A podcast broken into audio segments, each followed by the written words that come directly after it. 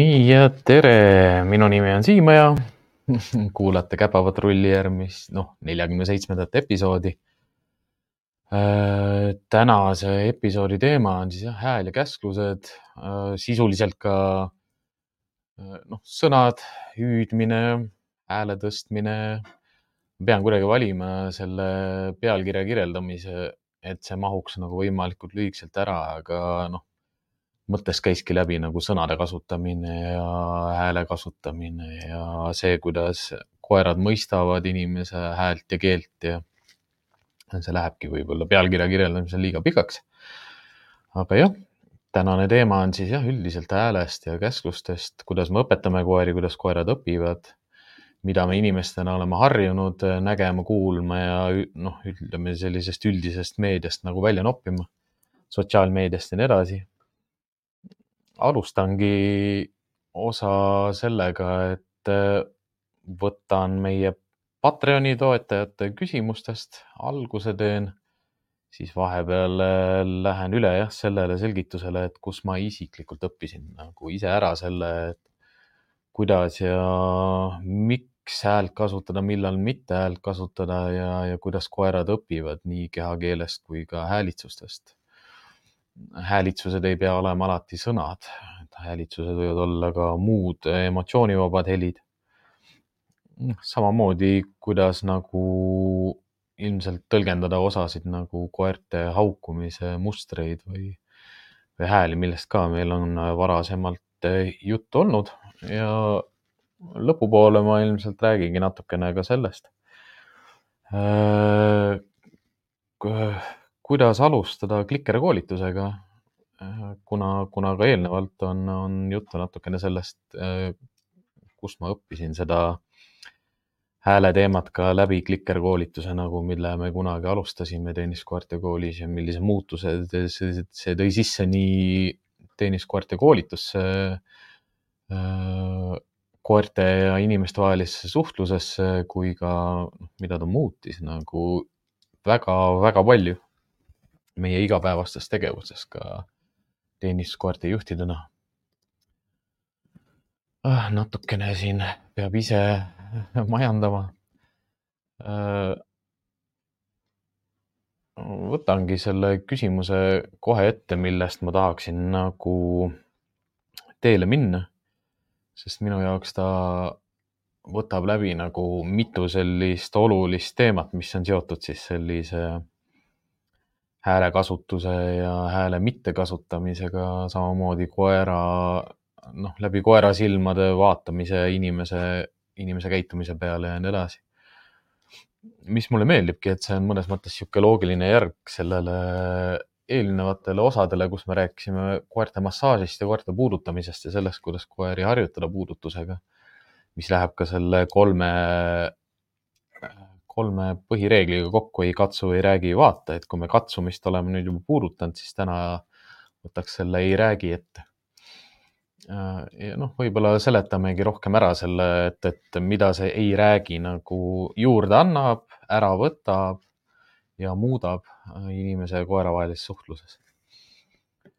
ehk siis noh, üldiselt suur tänu endiselt kõikidele meie toetajatele ja sealt, kus ma ka sisendit saan paljudeks osadeks ja teemadeks, ongi just tänu sellele, kui ma suhtlen oma klientidega, kui ma suhtlen oma toetajatega, kui, kui tekivad need vestlused ja vestluste käigus ka on vaja oma mõtteid nagu sõnastada, läbi mõelda, avastada ja siis jälle järsku otsatad mingi mõtte peale mida ei ole pidanud võib-olla korduvalt ja aastaid nagu endale meelde tuletama, mõtestama, vaid kui sa oled, tegeled koertega nädalast nädalasse, päevast päeva, siis see sinu jaoks on niisugune nagu noh, sa hingad seda, sa elad seda lihtsalt. sa ei pea mõtestama seda enda jaoks kogu aeg äh, uuesti ja uuesti. et see küsimus, millega ma täna alustada tahan, jah, on üld, on pikk, aga ma loen ta, ma loen ta ette, siis ta on mul siia kolmeks osaks jaotatud. ehk siis äh, Patreonis ma jagan natukene eelinformatsiooni osade kohta ja, ja lasen ka Patreoni toetajatel küsida küsimusi, mis neil kohe pähe tulevad. ja nad saavad ka jooksvalt, see vestlus ei lõppe ära seal, seal on nii, nii grupivestluse võimalus kui ka siis individuaalvestluste võimalus täiesti olemas, mis mulle ka üldiselt on siiamaani praegu väga istunud, sellepärast et paljud sellised sotsiaalmeedia tegevused on mul koondunud praegu sinna Patreoni alla. aga siis jah küsimus on selline, et äh, vaatasin äh, pallimängu videot. pallimängu video on üleval siis Siimu ja kooli Youtube'i kanalil. ja sa seletasid, et mida koera juures jälgida, aga segadusse ajas see, et peaksin ootama, et koer vaataks mulle otsa, mitte ei jälgiks palli. pallimängus on oluline jah, koerale õpetada see ära, et, et, et mängus ei mängi mitte pall temaga, vaid inimene mängib temaga. kuidas ta mida koerad hakkavad tegema, kui me, kui me seda viskeliigutust teeme, koerad võivad hakata jälgima ainult palli, nad võivad hakata jälgima rannet, küünarnukki, õla liikumist.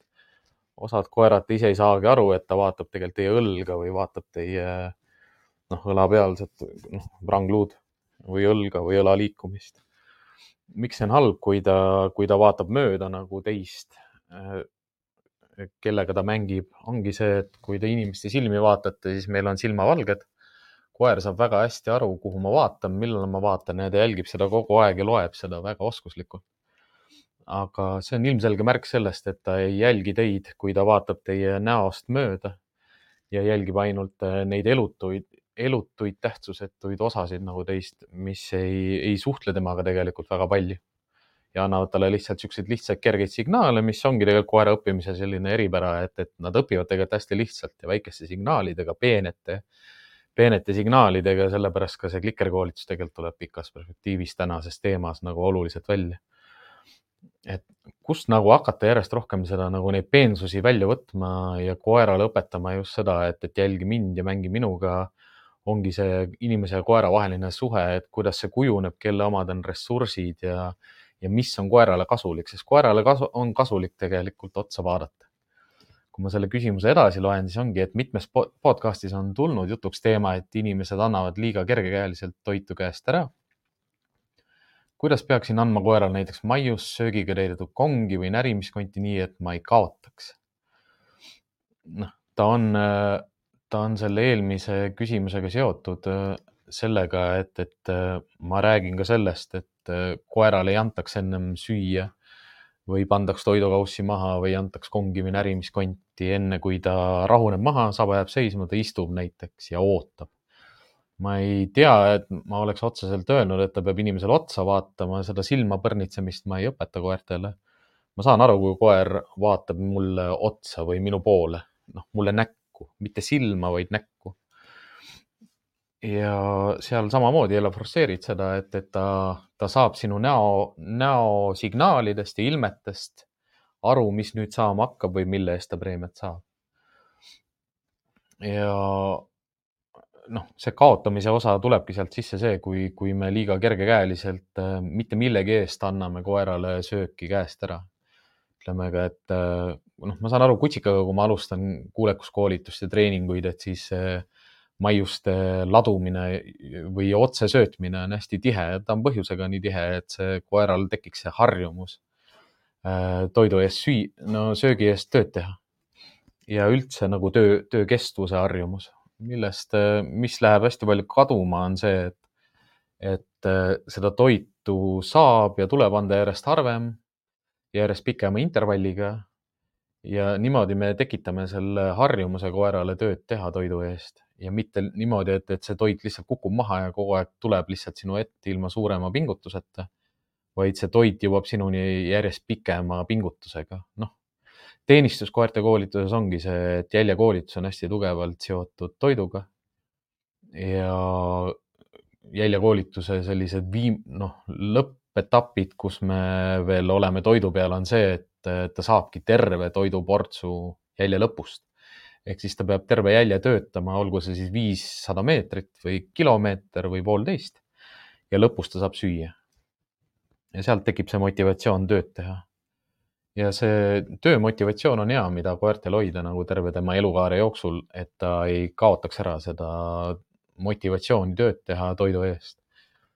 sest see ressurss, mis meil toiduna on, see on äh, neile vajalik, nad soovivad seda ja nad äh, kuulavad paremini sõna. Nad äh, on meile lähemal, nad tahavad meiega koos asju teha, nad suhtlevad meiega sotsiaalsel tasandil hoopis teisel tasandil, sest meil on midagi, mida nad tahavad. Ja kui me anname toitu liiga kergelt käest ära, kasvõi ma ei tea, tulen koju, esimene asi, kutsun ta enda juurde, annan talle lihtsalt süüa lihtsalt selle eest, et tuli minu juurde, niikuinii ta tuleb minu juurde. noh, hea on jah, kui ta ei hüppa üles või midagi. aga ma ei ole talt ka palunud nagu midagi väga sellist suurt, et, et ta nüüd on seda sööki väärt. miks, miks ma teen seda toidu ootamist enne, kui ma toidu maha panen, on reeglina ju ka sellepärast, et e iga kord enne, kui ma koeraga talle süüa annan, ma lähen temaga jalutama reeglina ta on juba tund või poolteist jalutanud tegelikult ja ta saab selle eest süüa ja selle eest on ta tubli olnud. et noh, ma seostan ka sellist nagu liikumist ja pikemaid ringe sellega, et, et ta, et ta saab süüa. ja ma võidan sellega rohkem sellist austust, usaldust ja ka töötamise kestvust ja oskust nagu juurde, et, et ma ei pea noh, miks mitte teha seda nii kergeks ja lihtsasti kättesaadavaks, ongi jälle see, et, et kas ma tahan, et koer kuulaks mu sõna, kas ma tahan, et koer austaks ja usaldaks mind, kas ma tahan, et mu koer noh, täidaks käsklusi kiiremini, kestvalt ja nii edasi ja nii edasi, et ta, ta kumab hästi pikalt nagu koera elus ja tema käitumises läbi. kui hakata jälgima seda, et ja, ja enda jaoks ka mõtestada see, et, et kui, kui kiiresti ma varem andsin talle preemiat, kui kiiresti ma nüüd annan või kas ma olen pikendanud seda aega millal ta preemia saab ja noh, see ongi see Priimeki printsiip, kus ma saan ka pikalt kestva äh, tegevust, pikalt kestvat tegevust premeerida. et äh, ta läheb natukene sellest klikerkoolitusest ja, ja null koma viiest sekundist nagu välja, et mille jooksul peaks see preemia tulema käitumise eest. Aga me ei aja igapäevases elus taga mingit niisugust äh, noh, väikest osa tema käitumismustrist, vaid me premeerimegi juba selliseid pikemaid tegevuslikke Mm, käitumismustreid, kus ta pikalt nagu midagi teeb. ja see küsimus jätkub et podcast ides on jäänud mulje, et see on koerale ebaloomulik harjumus. noh, ütleme siis äh, otsa vaatamine. Ja näiteks enne sööma hakkamist pole vaja oodata, et ta mulle otsa vaataks. et noh, seesama ongi see, et palli viskamisega ja söögi andmisega maiuste andmisega, selle eesmärk ei ole see, et ma õpetan teda endale silma suhu või ninasse passima või põrnitsema, vaid lihtsalt, et ta üldiselt vaatab, ma saan aru, et ta vaatab minu poole, sest koerad teavad, et me silmadega vaatame asju, sest nad näevad meie silmavalget. Kiskjatel ei ole silmavalge näha, aga nad loevad inimesi nagu avatud raamatut, et sellepärast öeldaksegi, et koer loeb inimest nagu avatud raamatut, sest meie silmad on hästi kergesti loetavad ja noh, mul ei ole vaja talle õpetada, et põrnitseks mulle silmaauku, vaid ta vaatab mulle otsa, ta vaatab mulle näkku. noh, koerad uh,, väga huvitavaid uurimusi on tehtud, aga noh, nad jäävadki selliseks eksperimendi tasemel. Noh, koerad eelistavad ühte silma rohkem kui teist, lõpuks nad vaatavad ikka mõlemat silma ja nii edasi ja nii edasi, et nad ei pea, nad suudavad ühte silma ka korraga vaadata ja oma tähelepanu niimoodi juhtida ka noh, minu jaoks üldse uuri-, uurimiste teemad on kõik sellised, et kui ma loen neid uurimustöid läbi, näiteks mõnda eksperimenti, mis on kuskil laboris tehtud, siis ma kogu aeg räägin endale nagu mõttes seda, et noh, inimesed ei suuda oma silmi ühtemoodi iga koeraga liigutada. See koer tuuakse, viiakse, noh, need eksperimendid on, on head, toredad ja nad annavad mingi sellise kuuekümne, seitsmekümne protsendilise vastuse, aga nad ei anna noh, minu jaoks nad ei anna ikkagi sellist lõplikku täielikku vastust. aga hea, et äh, koeri uuritakse. ehk siis tegelikult see lause on nüüd pikem jah, et podcast'is on jäänud mulje, et see on koerale ebaloomlik harjumus ja näiteks enne sööma hakkamist pole vaja oodata, et ta mulle otsa vaataks, vaid piisab, kui söögikausi maha panen ja koer võib sööma hakata. miks see pallimängu juures on oluline? noh, jällegi uuesti tulen jälle selle et ta ei pea silma sisse vaatama, ta peab inimesele otsa vaatama. mis, mis on minu jaoks nagu täiesti selline vastand sellele, mida, mida kuulekuskoolituses õpetatakse, seda look at me või vaata mulle otsa, kas viiakse toiduga see tähelepanu silmade juurde või otsa ette või nina otsa või lõua alla või noh, kuhu iganes, sellepärast ma saan seda kõrvalkäigus kasutada või, või ette tulemises kasutada või siia kutsumises kasutada, aga millest inimesed tihtipeale aru ei saa, on see, et, et pigem me treenime seda, et koer õpib üles vaatama. koerad võivad äh, koerad võivad inimesele näiliselt otsa vaadata isegi siis, kui nad ei vaata sulle otsa, kui nad sihilikult sulle otsa ei vaata. Nad vaatavad näiteks nina otsa või kulme või kortse või sul nokamüts, nad vaatavad nokka. Äh, seda sa ei saa sajaprotsendiliselt tagada, et koer vaatab sulle silma sisse.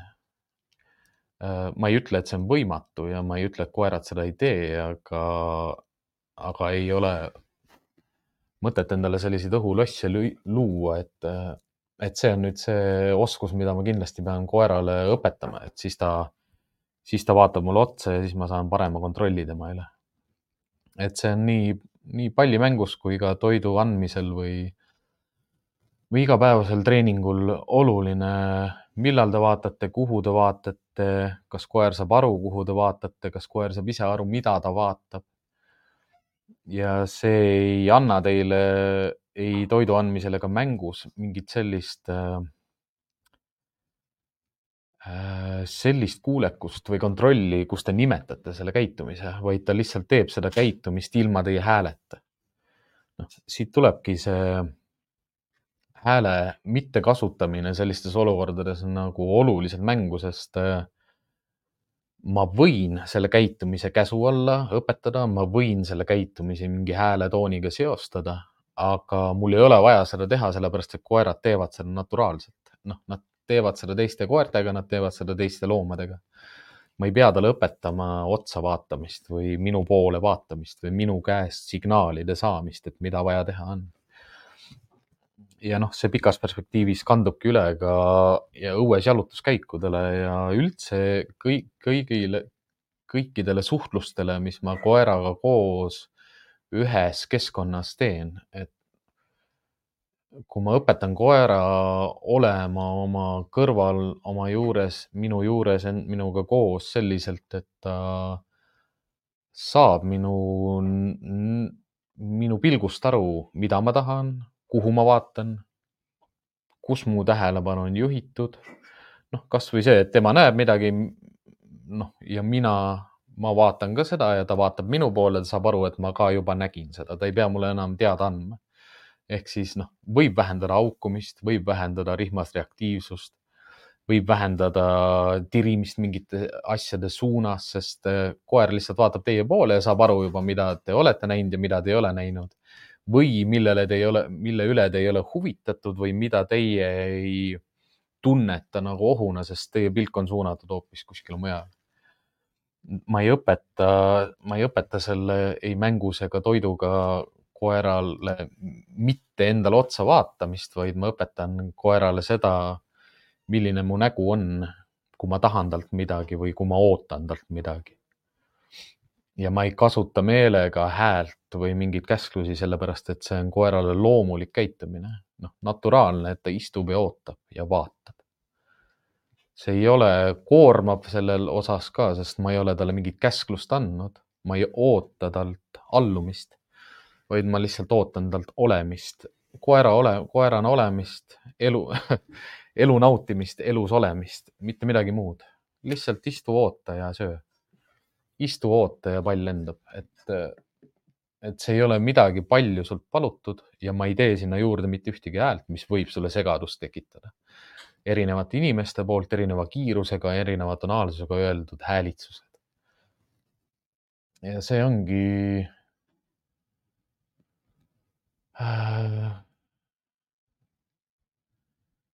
see ongi nagu, nagu siuksed huvitavad mõtted, noh, tegelikult ma võtsin kaks küsimust juba läbi mis niimoodi sujuvalt äh, tegelikult on omavahel äh, hästi tugevalt seotud. et see ongi see, et äh,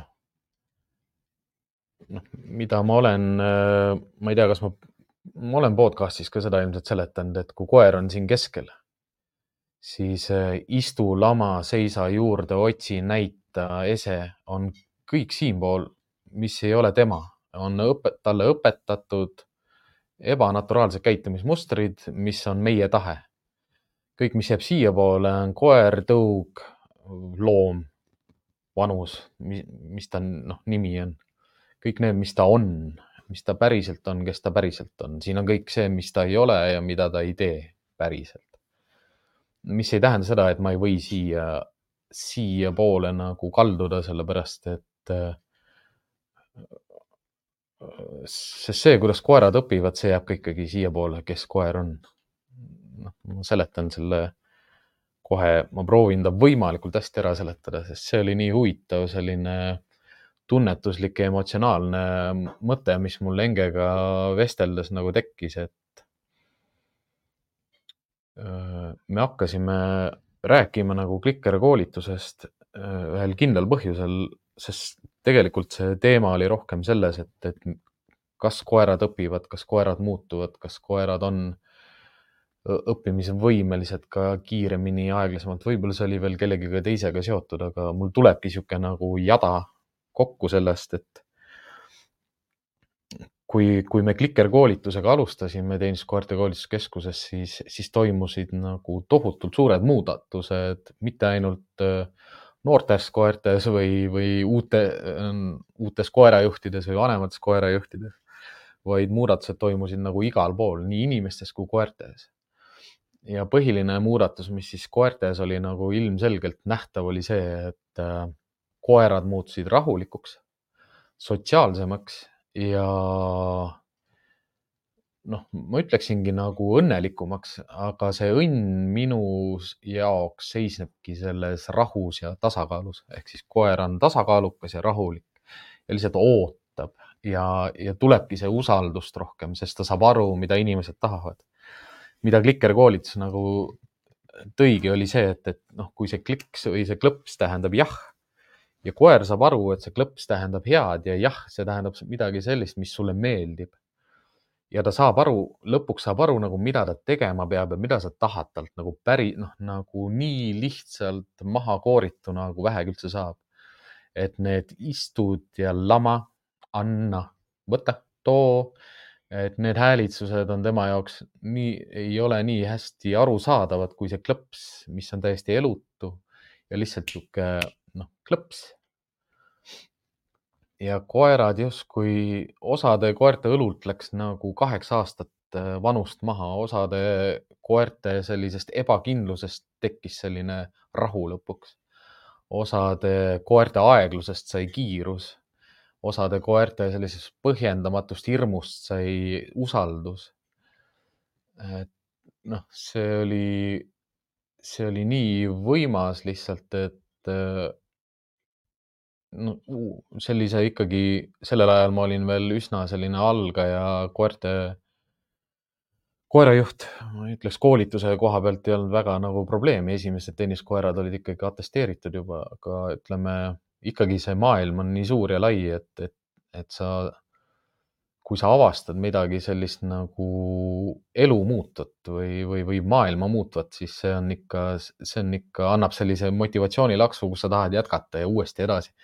Ja mõista seda, et, et, et kust see muudatus niimoodi tuli ja miks see nii käib, ega noh, praegu ka ma saan kokkuvõtvalt rääkida, aga, aga need mõtestamised ikkagi tulid pikema aja jooksul ja kogemuse põhjal nagu, sest noh, klikerkoolitusega saab teha selle, seda ka, et varasemalt õpitud käitumised saab selle klõpsuga nagu kokku panna ja hakata inglise keel, ma ei teagi, kuidas neid eesti keeles öeldakse, on siis chaining või linking ja breaching ja luring ja shaping, noh, ehk siis sellised, sellised koolitusmeetodid, kus ma kujundan või shape in koera käitumist, sellised äh, käitumismustrid, kus ma õpetan erinevad käitumise osad eraldi koerale selgeks ja siis hakkan neid kokku panema, ehk siis ma hakkan neid linkima või chain, chain ima omavahel. ja hakkasimegi ju ehitama, noh, ütleme atestatsioonil on vaja neid kõrvalkäimisi, igasuguseid erinevaid käitumismustreid, mis meil koerale on vaja õpetada, kasvõi see, et ma saadan ta auto aknast sisse, et ma saaksin hakata seostama mingit häälitsust selle käitumisega. eriti tugev selline roll klikerkoolitusel on äh, lõhnakoolituses ehk siis markeerimisel. sest noh, selle klõpsuga saab ikka kinni püüda äh, koera reaktsioone, reaktsiooni lõhnale ehk siis alguses, noh, kui koer ei tunne mingeid lõhnu, siis sa pead ju nägema, kas ta, kas ta kehakeel muutub, kui ta tundis seda lõhna ja sa markeerid selle hetke ära ja noh, miks see, miks see oligi niisugune nagu oluline, oluline asi nagu seletades ära seda, et, et miks mitte häält ja käskluseid kasutada, ongi see, kui, kuidas koera käitumine muutub, kui ma teen selle suhtluse temaga hästi lihtsaks. nagu rohujuure tasa, tasandile ja tuligi meelde praegu see instruktorite kursuse, kus ma, kus mul, mul oli au osaleda koos teiste PPA instruktoritega. Mm, lõpueksam oli shaping'u harjutus ehk siis, kus siukse, ma ei mäleta, äkki ta oli kuus, kümme korda kümme selline maa-ala ruut sinna ruudu sisse oli pandud siis erinevad asjad, noh, telgid, hantlid, erinevaid igapäevaseid asju, toolid. noh, asjad vedelesid maas, mänguasjad olid laiali. ja oli veel selliseid looduses olevaid punkte nagu üks puu kasvas vist isegi, ei, ma võib-olla mäletan valesti, need puud olid ilmselt aiast väljas, aga mingi post oli seal, see oli vist see valgustuspost. ja igale instruktorite noh, ehk siis lõpueksam või see harjutus oligi selline, et sa läksid oma koeraga selle ruudu äärde ja instruktor ütles sulle, mida su koer tegema peab, aga sa ei tohi mitte ühtegi sõna kasutada, et, et koerale see käitumine selgeks õpetada. minu koer pidi minema selle elektriposti peale ja panema kaks käppa posti peale ja hoidma neid seal minu arust sellesama harjutuse ajal äh, ma pidin ka instruktorile nentima, et me kumbki ei ole näinud, et koer midagi sellist teeb, mida ta seal vahepeal nagu käitumisena pakkus. ehk siis see mõte on sellel harjutusel see, et, äh, et sa saadad, noh, sa ei, sa pead kuidagi kehakeeles andma talle mõista, et ta võib minna midagi tegema, sa ei, sa ei anna talle muud moodi nagu mõista, et mis suunas või mida ta tegema peab. ja kuna me klikerkoolitusega oleme koerale juba väga palju erinevaid käitumisi õpetanud selgeks, siis hakkab selline asi pihta nagu äh, noh, operantne tingimine tingib selle, et koer hakkab käitumisi pakkuma. noh, ütleme kõige klassikalisem näide on see, et ma õpetan koerale istumise mingil määral selgeks, lamamise mingil määral selgeks ja mingi, noh, ma ei tea, võib-olla tõesti seismise ka või haukumise. ja nüüd ma seisan, toit käes ja ootan lihtsalt, mida ta teeks ja koer istub, lamab, istub, lamab, seisab, lamab, istub, lamab, ise pakub järjest neid käitumisi.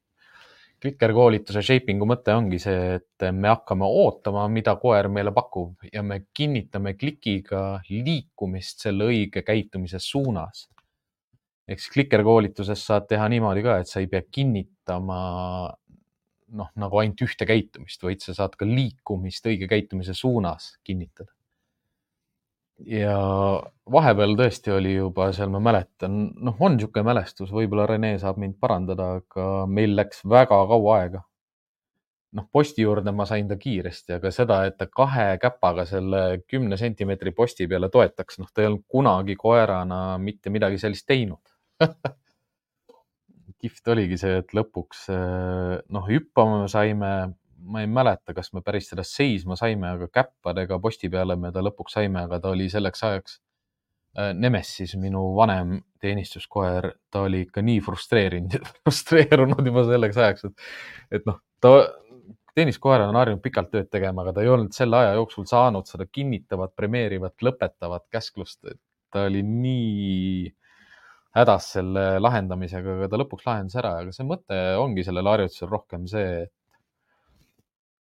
me suudame koerale õpetada asju ilma häälte ja käsklusteta, lihtsalt äh, andma neile aega ja, ja nad õpivad äh, selle lõpuks ära. Ja mis selle eelis on, ongi see, millest ma räägin, et ärge laske koera üksinda õue.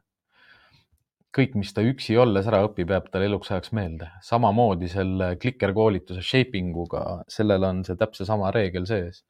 kõik, mis ta ise pingutades selgeks õpib selles käitumismustris, jääb talle palju paremini meelde kui see, kui ma hakkan seda tükkideks võtma ja talle juppidena õpetama.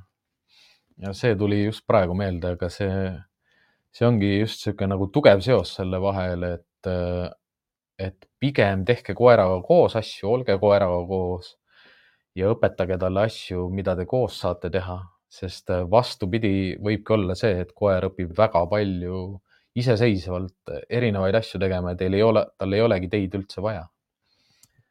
ja ainukene vaataja, kes meid praegu jälgib ja kallis Enge ehk siis Enge küsib, et äh, kui koer õpib terve elu, siis kas klikkerid saab igas vanus koerale selgeks teha noh, kas küsimusele saab jah, ei vastata ja selle vastus on jah, saab küll. Et äh, teenistuskoerte koolituskeskuses oligi niisugune kõige suurem muutus Äh, mida ma nägin, oligi NATO, kes oli sellel ajal vist neljateistaastane, noh, ma võin jälle eksida, Rene peab jälle mind parandama, kui ta tahab ma arvan, et ta ei, ma arvan, ta isegi ei vaata. ehk siis NATO oli üks esimesi, noh, ta nimi oli NATO, mis peaks juba ütlema noh, osaliselt seda, et ta oli üks niisuguseid esimesi kvaliteetsema geneetikaga mm, rahvusvahelise koostöö raames saadud äh, kutsikatest, äh, noh muidugi ta, ta see treeninguelu ei olnud nii tore ja ta kartis lage, üldse siseolusid, äh, sees liikumist. kui temaga kuskile niimoodi madalama laega või isegi kõrgema laega ruumi läksid, siis ta kohe tõmbas vastu maad hästi all. ta oli selle kartlik, närviline ja agressiivne. ja klikerkoolitus tegi temast nagu hoopis teise koera, tal tuli nooruslikkus, tal tuli kuulekus tagasi, ta ei kartnud enam lagesid ega midagi ja ta liikus ka hoonetes ja ruumides. noh, põhiliselt siis meil seal kennelis niimoodi, et noh, mitte nii, nagu ta varem oli liikunud, ehk siis see muudatus nagu, mis toimub, kui koer saab lõpuks aru, mida inimene talt tahab, see on nagu nii tohutu väärtus ja nii suur elumuutus, aga, aga miks üldse kõigepealt see ebakõla tekibki, on see, et äh, teenistuskoertele õpetatakse väga palju erinevaid käsklusi ja oskusi, mis esitab neile tegelikult väga suure väljakutse ja niisuguse vaimse pingutuse, kus nad peavad kogu aeg nagu püüdma mõis, äh, mõtestada mingil määral nagu seda, et mida nad näevad, mida inimene teeb, kuidas ta ütleb seda, mis liigutusi ta sinna juurde teeb ja noh, kui palju ta tegelikult suhtleb, öeldes mingi häälitsuse ja siis saksa lambakoerte puhul, kes ei saa väga hästi sõnadest aru, nad alati häälitsevad enne, kui nad seda äh, liikumist teevad. noh, näiteks niuksatavad enne, kui istuma lähevad, häälitsevad enne, kui lamama lähevad või lähevad häälitsedes lamama. sest seal on mingi niisugune ebakõla ja ebaselgus on sees, et, et ta täp-, noh, nagu sajaprotsendilise täpsusega ei tea, mida ta tegema peab aga üheksakümmend viis protsenti ta on kindel, et ta vist peaks lamama minema ja noh, ta pakub ja enamjaolt nagu äh, veab ka, et, et ta teeb tegelikult õigesti, aga klikerkoolides annabki see, et, et saksa lambakoerad jäävad vait ehk siis nad enam ei häälitse äh,. ja Enge küsis veel täpsustavalt jah, et kas Nemesis pidi üksi minema sinna posti peale või koos sinuga. Noh, seda ma ei täpsustanud jah, aga see ongi niimoodi, et äh, see, kes klikeriga seisab, see seisab sellest kastist väljas ehk siis selle aja jooksul, kui ma ootan, et koer seda käitumist teeks, ei, ei räägi ma. ainuke asi, mis ma võin teha, on vaadata selle tegevuse poole, kus ta midagi tegema peab, ehk siis ma võin seista ja vaadata posti. ja see on kõik, mida ma teha võin. ja, ja klikkeriga võin klikk, klõkata, klõpsatada, siis kui ta liigub selle posti poole noh, seal ongi tegelikult üks asi veel sees, ehk siis noh, ütleme niimoodi, et ma seisan ja ootan, et ta teeks midagi, kui ta teeb valesid asju, hakkab valesid käitumisi, siis ma ei klõpsa. kohe, kui ta kasvõi vaatab või liigub posti poole, siis käib see klõps.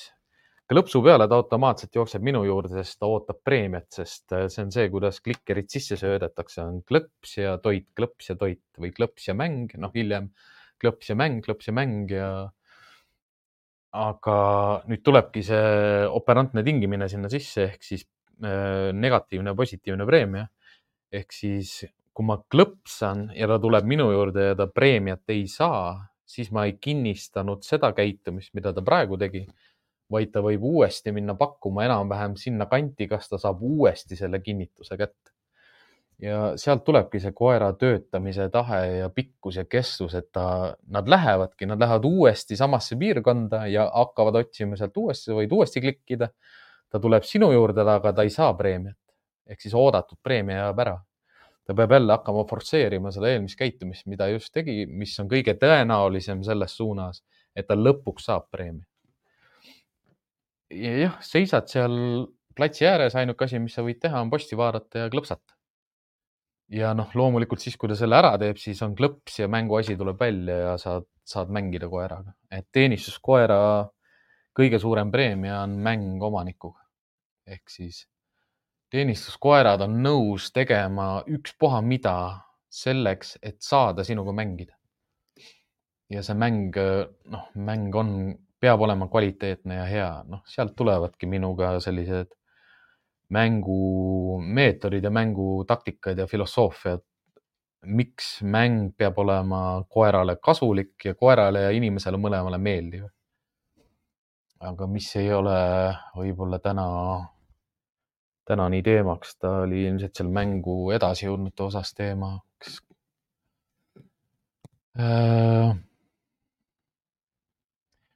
noh, võib-olla võtakski selle Enge, Enge küsimuse, mis ma meie vestlusest välja noppisin, ongi see, et, et millest tuleks alustada, kui soovid klikerkooli, koolitusega algust teha. et selleks, et klikerkoolitusega algust teha, noh, kõigepealt ongi vaja klikkerit äh,. ei tea, võtan korraks, ma lähen vaatan, kas mul on klikker. mikrofoni küljest ära. siis ma saan näidata ka.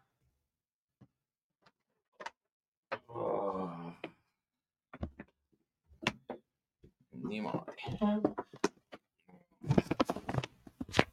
noh, igal, igal õigel koerte koolitajal on nurgas suur kott mänguasjadega, mis ei mahu töö, töökotti ära. niimoodi.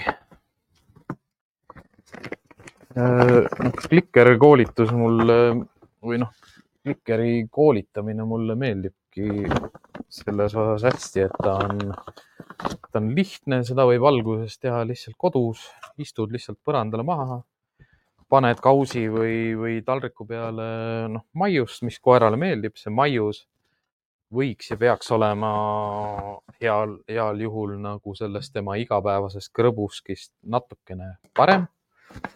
Natukene paremaks saab teha ka seda igapäevast äh, krõbuskit äh, äh, külmkuivatatud lihaga, et võtate tema enda sööki, võtate seda külmkuivatatud liha ja siis see läheb sõrmade vahel täitsa selliseks nagu pulbriks, nagu, nagu tuhksuhkur. Ja raputate, noh, maitset peale, panete maitset juurde toidule. Ja jah, tundub, et mul ei ole klikkerit. Pole, pole ammu tundnud sellist vajadust, sest ütleme, klikerkoolitus on ka minu jaoks nagu edasijõudnutele. klikerkoolitus on sellistele koertele ja inimestele, kes soovivad koera spordiga tegeleda, kuulekuskoolitusega tegeleda, rallikuulekusega tegeleda. Agility's ma ei näe klikerkoolitusel väga mõtet. Agility's on ka palju kasulikum minna kehakeele peale tuletan meelde et kahekordne maailmameister on tumm naine ja kurt koer. midagi sellist. et noh, klikerkoolitus on, on hea väljakutse sellistele koerainimestele, kes on äh, koera õppimisest nagu huvitatud ja, ja ka sellest koos olemise sotsiaalsest suhtlusest nagu äh, järgmisest äh, tasemest, aga see peab olema selline nagu küsimus iseendale, et, et klikerkoolitus ei ole minu jaoks midagi sellist, mida kõik koerad ja koeraomanikud ilmtingimata peaksid proovima, sest veel lihtsam on olla lihtsalt vait ja, ja mitte rääkida koeraga ja proovida talle siis teha selgeks asju mis ei pea olema sellised äh, komplekssed ja keerulised käitumised, vaid, vaid ongi lihtsad ja igapäevased käitumised nagu koos kõndimine ja koos mängimine ja koos sööm-, noh, koos söömine, söömine, magamine, massaaž, äh, puudutused, suhtlus, noh, kõik, kõik selline sotsiaalne suhtlus mis on ka tegelikult ju mitmekülgne aktiivne, sest liikuna ma saan äh, rattaga sõites, joostes, jalutades, ujudes. et ei tasu ala, alavääristada kuidagi seda igapäevast liikumisvõimalust, mis meil koertega on, et täiesti tavaline jalutuskäik on, on küll ja veel ja kui see on nagu selline mitmekülgne ja ja huvitav koerale ka, huvitav ei ole minu jaoks see, et ta nuusib absoluutselt kõike, vaid huvitav selles osas, et kuhu me lähme ja mida me koos teeme. ja see võib olla ka ju niimoodi, et me lähme ja lähme ja koos mängima, lähme koos sõbra juurde, lähme koos loodusesse, lähme koos ujuma. Lähme koos, ma ei tea, lumes jooksma ja püherdama või ehitame koos või kaevame koos mingeid onne, noh, ongi lastega ju koos koerad, lapsed, noh, sobivad väga hästi, koerad, inimesed, autod, autod, rattad, minu poolest lennukid, paadid, lumesaanid, kõik asjad nagu sobivad ja ma arvan, see klikerkoolitus nagu selle hääle ja käskluste nagu mittekasutamise juures toobki tegelikult rohkem selle hääle sisse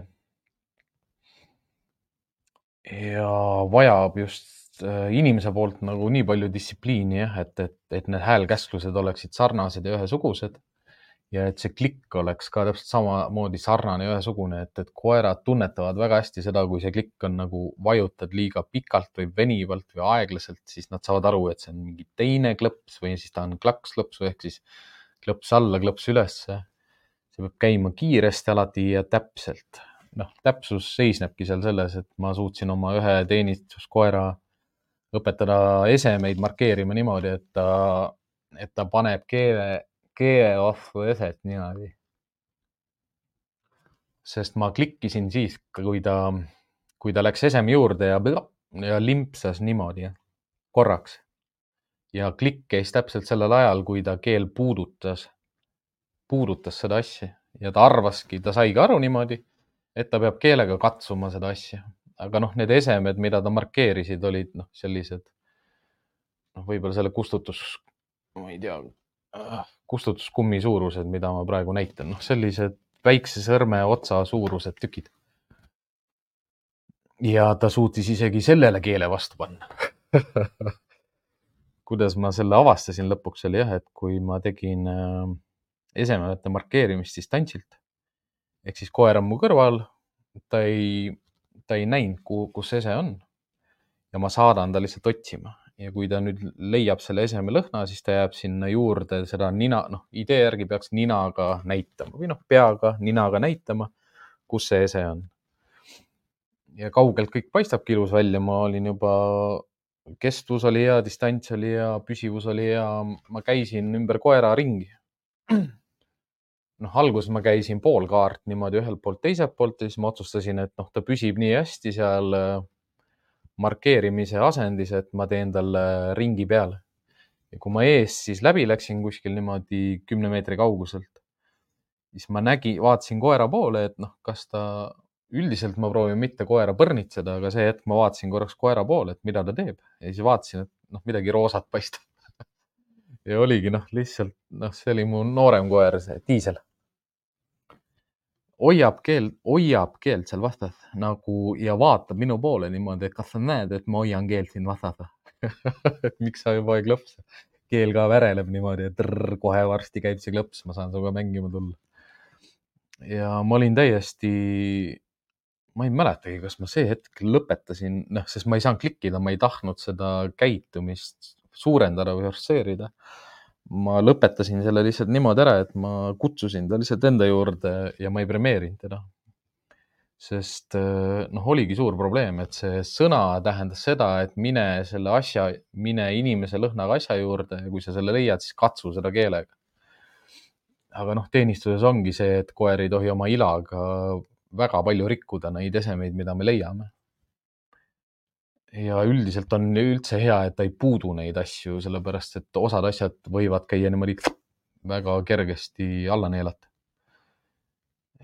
noh, mis minu koerte profiilidel ei olnud just nagu halb oskus või tegevus, aga ikkagi sa lihvid seda oma nagu nii-öelda valdkondlikku nagu tegevust ikkagi selles suunas, et, et kui ma, ma pean selle suutma oma koerale selgeks õpetada, siis õpetada ka teistele koertele selgeks noh, mis oligi hea, et, et ma õpetasin nii oma koera kui ka siis äh, vanglate narkokoeri ja nende, nende juhtidega koos tegime siis koos harjutusi.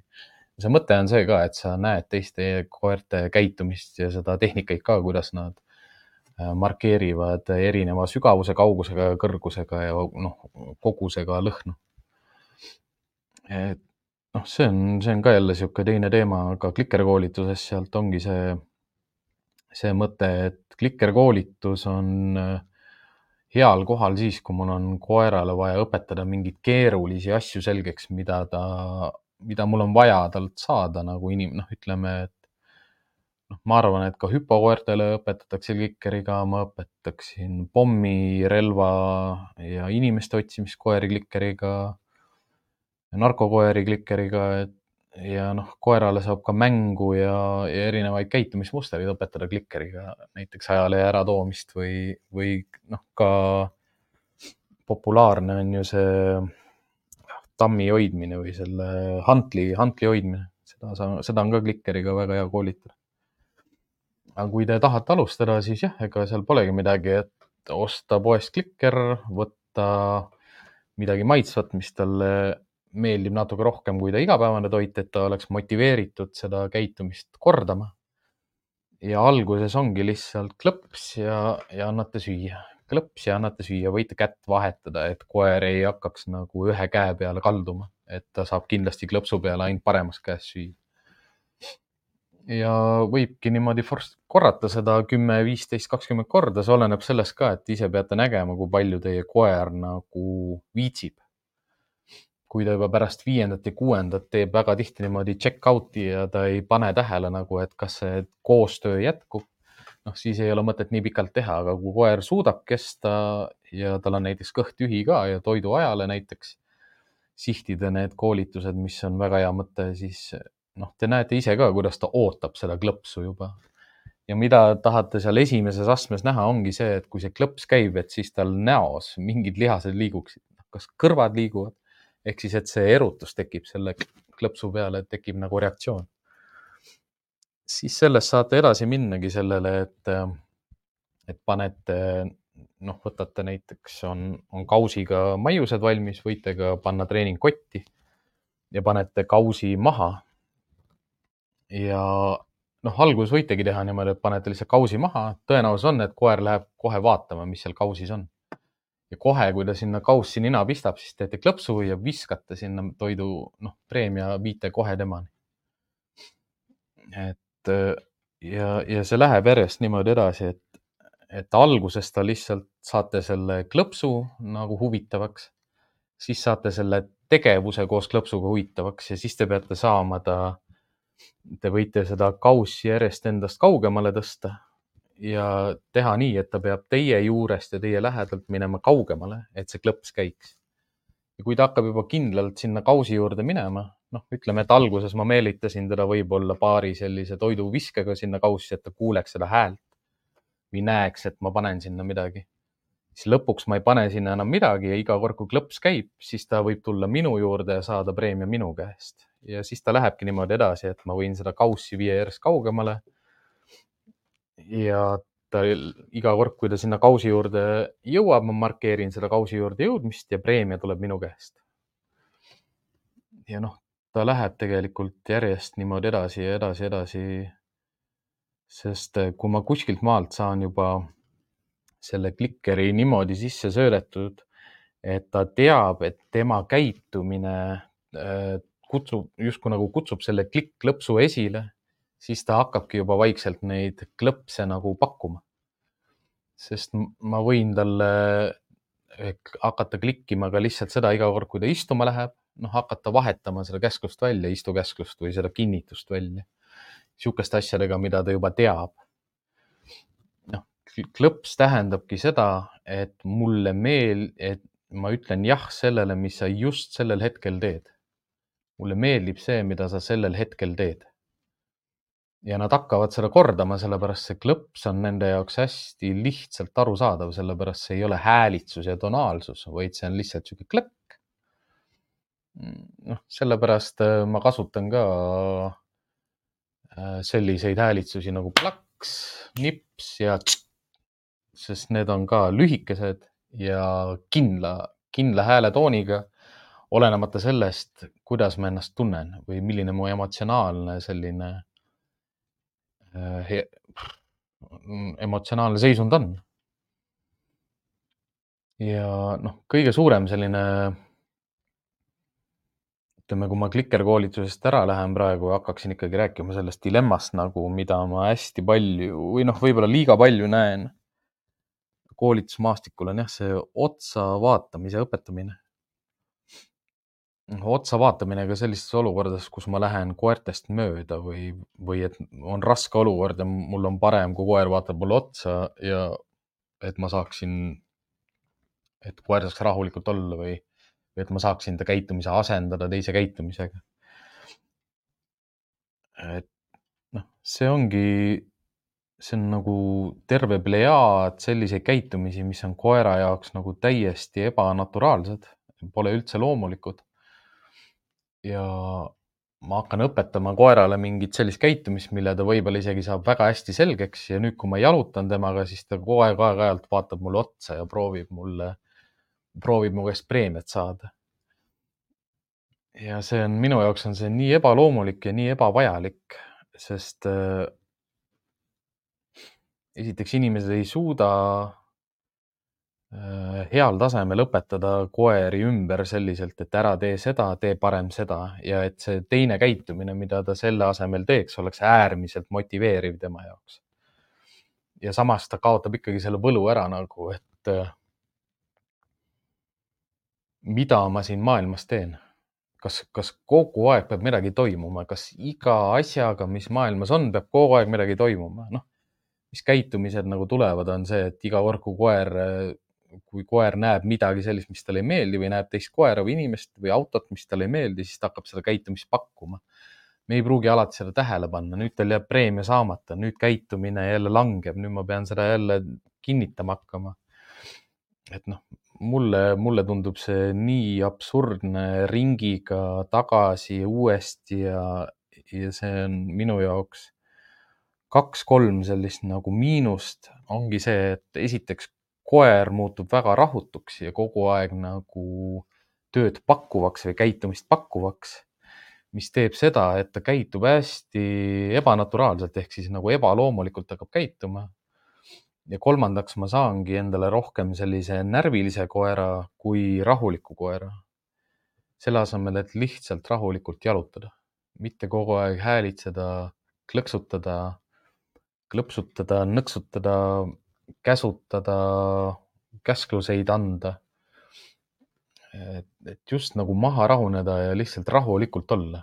mitte midagi, sa ei pea mitte midagi tegema, lihtsalt jaluta ja naudi loodust ja koosolemist. ära tee, sa ei pea nagu kogu aeg midagi tegema. et noh, see koer näebki välja niisugune nagu natukene nagu närviline, sest noh, ta läheb stressi juba sellepärast et me võib-olla ei märka mitmel korral, kui ta pakub mulle seda käitumist, aga oodatud preemia jääb ära. ja siis ta muud läheb stressi sellepärast, et ta ju pakkus mulle seda käitumist, mille eest, mida ma olen talle õpetanud õues olles, aga nüüd ma enam ei saa preemiat selle eest. et sellepärast ka klikerkoolitus on minu jaoks selline äh, hea hobi, seda ei ole tegelikult palju vaja, ta tihtipeale on vaja ainult mingite käitumiste alustamiseks. noh, teenistuskoertega samamoodi, et et ma õpetan käitumised selgeks ja siis ma hakkan juba töötama kestvuse, distantsi ja muude asjadega, et, et mul ei ole vaja enam nii korduvaid ja täpseid, täpseid äh, kordusi. Enge küsis lisaks, et äh, kas klikkeril ja klikkeril on vahe ka või kõik sobivad? Äh, klikkeril ja klikkeril on väga suured vahed. et on selliseid klikkereid, kus sa saad seda tugevust reguleerida. noh, kui kõva klõps käib, noh, minu küsimus ongi seal selles, et noh, kas su koer on kurt või? et kui koerad ei kuule seda klõpsu, siis nad ei ole veel õppinud ära, et see klõps midagi tähendab. sama on see, et kui ma ütlen talle istu ja ta ei istu, siis ta, ta ei ole selle tooniga harjunud ära, et ma istu ütlen. koerad kuulevad väga hästi, kui nad tahavad kuulata või kuulda. Nad, nad võivad sinu poole kõrvad keerata ja kuulata et eh, klikker võib olla täiesti ilma selle tugevuse reguleerimiseta. Eh, siis on sellised eh, klikkerid, kus sõrm läheb selle klikkeri sisse. kui sõrm läheb selle klikkeri sisse, siis seda on kindaga väga halb kasutada, sest see kinnas jääb kinni sinna alla. Need klikkerid reeglina on sellised neljakandised kastikujulised, nad teevad tugevama klõpsu, aga teil ei ole tugevat klõpsu vaja. nii tugevat klõpsu tõenäoliselt te kuskil lasketiirus klikkerit kasutama ei pea. ja kõige paremad äh, klikkerid ongi, kui te guugeldate, näiteks on niisugune asi nagu iClick. Nad näevadki välja nagu iClicki klikkerid erinevad tootjad tegelikult äh, toodavad sarnaseid klikkereid, need on sellised, kus see nupp ulatub välja selle klikkeri seest Mm, minu arust Hunteril on selliseid klikkereid, iClickil on sellist, ma ise tellisin tavaliselt neid iClick'e niimoodi kotiga. sest kui neid USA-st tellida palju, siis, siis ta ei ole kokku nii kallis. Need iClicki klikkerid on nagu kvaliteetsed ka ja neil on kindlasti ka turgu, äh, järelturgu nagu Eestis, kui te viitsite sellega tegeleda ja nad on, iClicki klikkerid on kvaliteetsed, aga miks, miks neid palju on vaja, on sellepärast, et äh, need kaovad ära, need lähevad katki, neid unustad kogu aeg kuskile, need on ühes taskus, teises taskus. ja noh, see on üldiselt see mure ka, mis mul klikkeritega on, et äh, noh, ütlemegi, ongi niimoodi toidu kaasas tassimine, klikkeri kaasas tassimine, noh, lõpuks lõpuks kõik need pildid nagu, kus sa käid, lähed koeraga jalutama ja paned treeningvesti selga, sellepärast et sul on vaja nagu mingi sada asja kaasa võtta, et täiesti nagu mõttetu aga noh, jällegi, kellel on vaja, siis kindlasti läbi mõtestada enda jaoks jah, see, et eh, mitu tükki kuu kohta, mida ma üldse teen, mis see eesmärk on. Kas mul on seda vaja, kuhu ma sellega lähen, mis see pikem eesmärk on või mida ma tahan sellega lahendada. et noh, selliseid küsimusi tasub endal küsida ja kui, kui need vastused ei ole sellised spontaansed ja, ja selged ja kohesed, siis äh, noh, proovimise pärast ei ole koertega mõtet nagu midagi teha. või tähendab, noh, eksperimentida tasu, eksperimenteerida tasub, proovida tasub, aga mitte selliselt jah, et, et, et ma proovin midagi lühiajalist, et, et selge eesmärk, pikaajaline pikaajaline eesmärk, kuhu ma tahan jõuda, mis, miks ma seda teen. mis, mis, mida see toetab minu edaspidistes tegevustes. klikerkoolitus on kihvt, klikerkoolitus on kogemus. klikerkoolitus ja üldse lõhna otsimiskoolitus on niisugune äh, huvitav töö, mida koerad oskavad väga hästi teha, sest neil on tugev nina aga neil on tugev nina ka ilma klikerkoolituseta ja koerad on üldiselt äh, hästi toredad loomad, kes, äh, kes oskavad inimesega koos siin maailmas väga hästi elada, ka ilma selliste suurtemate äh, korraldustega igapäevaselt. et palju rohkem paneksin hea meelega inimestele südamele seda jah, et, et et jätke see grupikoolitus sinna, kus ta on ja käige oma koeraga koos jalutamas selle asemel, et, et raisata oma aega kuskil siseruumides äh, ühte ja samat käitumist korrates ja korrates ja korrates, kus koeral võib tekkida palju rohkem stressi kui, kui vabadust ja noh, välja arvatud siis, kui te te teate, mida te teete. Teil on jah, jälle selge eesmärk, kas siis osaleda võistlustel või, või näitustel. Et ega seal rohkem muud ei olegi. noh, kõik trennid on head. noh, klikerkoolitusega seoses ja instruktori koolitusega seoses oligi see rallikuulekuse trennid olid ka see, mis meile väga nagu meeldis aga noh, ma, ma ise mäletan endal sellist mõtet ka, et ta meeldis mulle sellepärast, et mu koer juba oskas enamus neid asju, ma lihtsalt sain koeraga koos need panna mingisse kindlasse struktuuri sisse, kus ma ei pea ise mõtlema, vaid sildid ütlevad mulle, mis, mis koer ja mina tegema pean. Et ta võttis justkui sellise nagu, andis sellise koos tegutsemise vormi, kus sa ei pea kogu aeg mõtlema, mida igat järgmist käiku ette. noh, natukene huvitavam kui jäljeajamine või, või mahajäetud hoonest inimeste otsimine. et jah, üldiselt jah, selline hääl ja käsklused. teemal ongi see, et koertega on, saab täiesti niimoodi hakkama, et ei räägi mitte midagi. kui teil on plaksud, nõksud ja plõksud olemas, siis sellega õpetab koerale nii mõndagi selgeks. kui teil on klikker olemas, siis sellega õpetab talle palju selgeks ja noh, hääle ja käsklustega ongi kogu aeg see teema, et äh, nii palju koduvisiitidel pead kogu aeg kordama seda, et palun ära räägi, palun ära räägi, palun ära räägi. ära räägi, ära ütle midagi, ära räägi, ära ütle midagi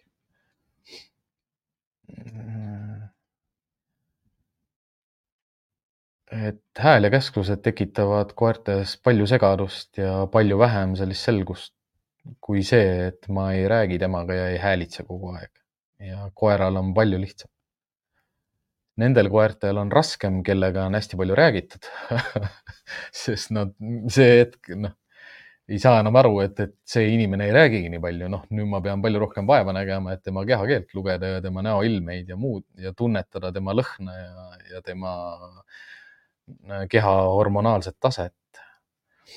et see on kindlasti noh, kui te saategi äh, mingi teise, teise ringi koera või, või hoiate näiteks äh, kellegi teise inimese koera, siis osade nende koertega võib olla küll niimoodi jah, et nad vaatavad teid kaks päeva nagu tummahambad, et, et, et sa ei räägigi või et noh, sa ei häälitsegi, mis sul viga on ja kas sa ei tahagi neid käitumisi, mis mulle on nagu käsklustega selgeks õpetatud.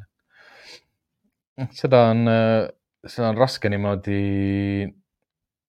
seda ei oleks raske nagu näidata, sest äh, mul on üks, üks koer, kellega ma võiksin vabalt selle video ära teha, kes, kes äh, saja protsenti, sada protsenti kindlalt, et kui ta jälle minule hoiule tuleb, siis esimesed kakskümmend minutit ta pakub mulle kõiki neid käitumisi, mida ta omanik talt äh, rallikuulekuse treeningutelt ootab. Et see on sihuke, see ongi kihvt nagu koerte juures, et nad ei ole üldse rumalad ja nad on nii targad, et äh, eriti kui sul on äh, Itaalia veekoer. noh, puudlid ja puudlid, äh, saksa lambakoerad, Belgia lambakoerad, border kollid, et noh, nad õpivad nii kiiresti, et, et, et kõik jääb nagu külge. kus, kus meie inimesena nagu magame maha, ongi see, et me ei märka tihtipeale neid käitumismustreid, mida nad tegelikult juba oskavad. Ja neid on vaja lihtsalt kinnistada ja forsseerida ja, ja need asjad jäävad neile eluks ajaks külge ja noh, samamoodi neile jäävad ju lollused külge ja neile jäävad ka kogu see arusaamatus, mis meie muli nagu sisaldab, jääb ka külge. et olge vait olen kodutööna andnud konkreetselt osadele oma koeraomanikele sellise ülesande, et püüdke nädal aega oma koeraga mitte rääkida ja vaadake, mis saab. et häälega võime teha ka väga palju rohkem kahju kui kasu. ja endiselt raamatu soovitus Stanley Coheni Born to Bark ehk siis sündinud haukuma minu arust seda raamatut ei ole eesti keeles, et ta on ingliskeelne raamat, teda on e-raamatuna saadav, teda on, ma arvan, audioraamatuna saadaval. Kui teil veab, äkki ta on Spotify's kuulatav, ma ei kujuta ette. ma ise enda jaoks küll üllatus, et seal on audioraamatuid ka. ehk siis jah, Stanley Cohen'i Born to Bark ehk siis see, see, see paneb nagu kliinilise psühholoogi vaatest nagu väga hästi selle psühhoanalüüsi teeb inimesest ära, et miks koeraga mitte rääkida.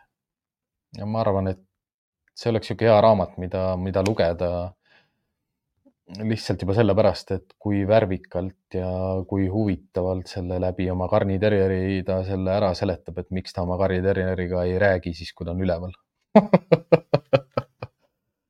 ja, ja ta minu ja ta seletab seal ka mitu sellist muudatust, mida ta oma terjeri käitumises siis näeb pärast seda, kui ta temaga juba vähem räägib. aga jah, tänane osa sai siis selline. Väga tänulik nende küsimuste eest, mis osale eelnesid, väga tänulik nende küsimuste eest, mis osa jooksul esitati. väga tänulik Engele, et tal siiamaani, nagu ma aru saan, ei ole ükski osa, osa laivis veel vahele jäänud noh, ma arvangi, et ma saan siin natukene selles osas aidata jah, et ma ikkagi ilmselt jõulud ja uus aasta puhkan. eks ma annan teada, millal, millal need viimased osad veel sellel aastal on. Ja ootan põnevusega, mis järgmiseks kolmapäevaks noh, niimoodi tegevusena ette tuleb, et on mitu mõtet, on mitu ootust, on mitu suunda mida ma ajan, mida ma ootan, mida ma olen valmis vastu võtma. ja ootan põnevusega, mis järgmine kolmapäev toob. Loodan, et ka kõik kuulajad on põnevil selle üle, mida järgmine kolmapäev toob ja põnevad äh, teemad või siis külalised on, on tulemas. tänu meie headele toetajatele ei pea veel sellele tegevusele lõppu peale tõmbama aga jah, kui täna rohkem küsimusi ei ole, nagu ma aru saan, siis äh, tõmbangi selle otsa kokku. Tuletan meelde, et, et meil on palju abi sellest, kui te meie osasid kommenteerite või like ite või lisate kasvõi mingi smile, noh, kuidas neid nimetatakse, emotikoni, mingi jubina-pudina, mingi tänu kasvõi osad alla, kas te tellite või follow ite kas äh, Apple'is või Spotify's või Youtube'is. kõik see on abiks ja kõik see laiendab meie kõlapinda lihtsalt Eesti ühiskonnas laiemalt. meil on ka väga palju kuulajaid Ameerikas, aga tõenäoliselt see on Ameerika-Eesti kogukond. et tervitused siis ka sinnapoole. aga enne kui me siis jah, enne järgmist kolmapäeva näeme, tuletan meelde, et teadmatus ei ole lollus. olge tublid ja kõike head. tšau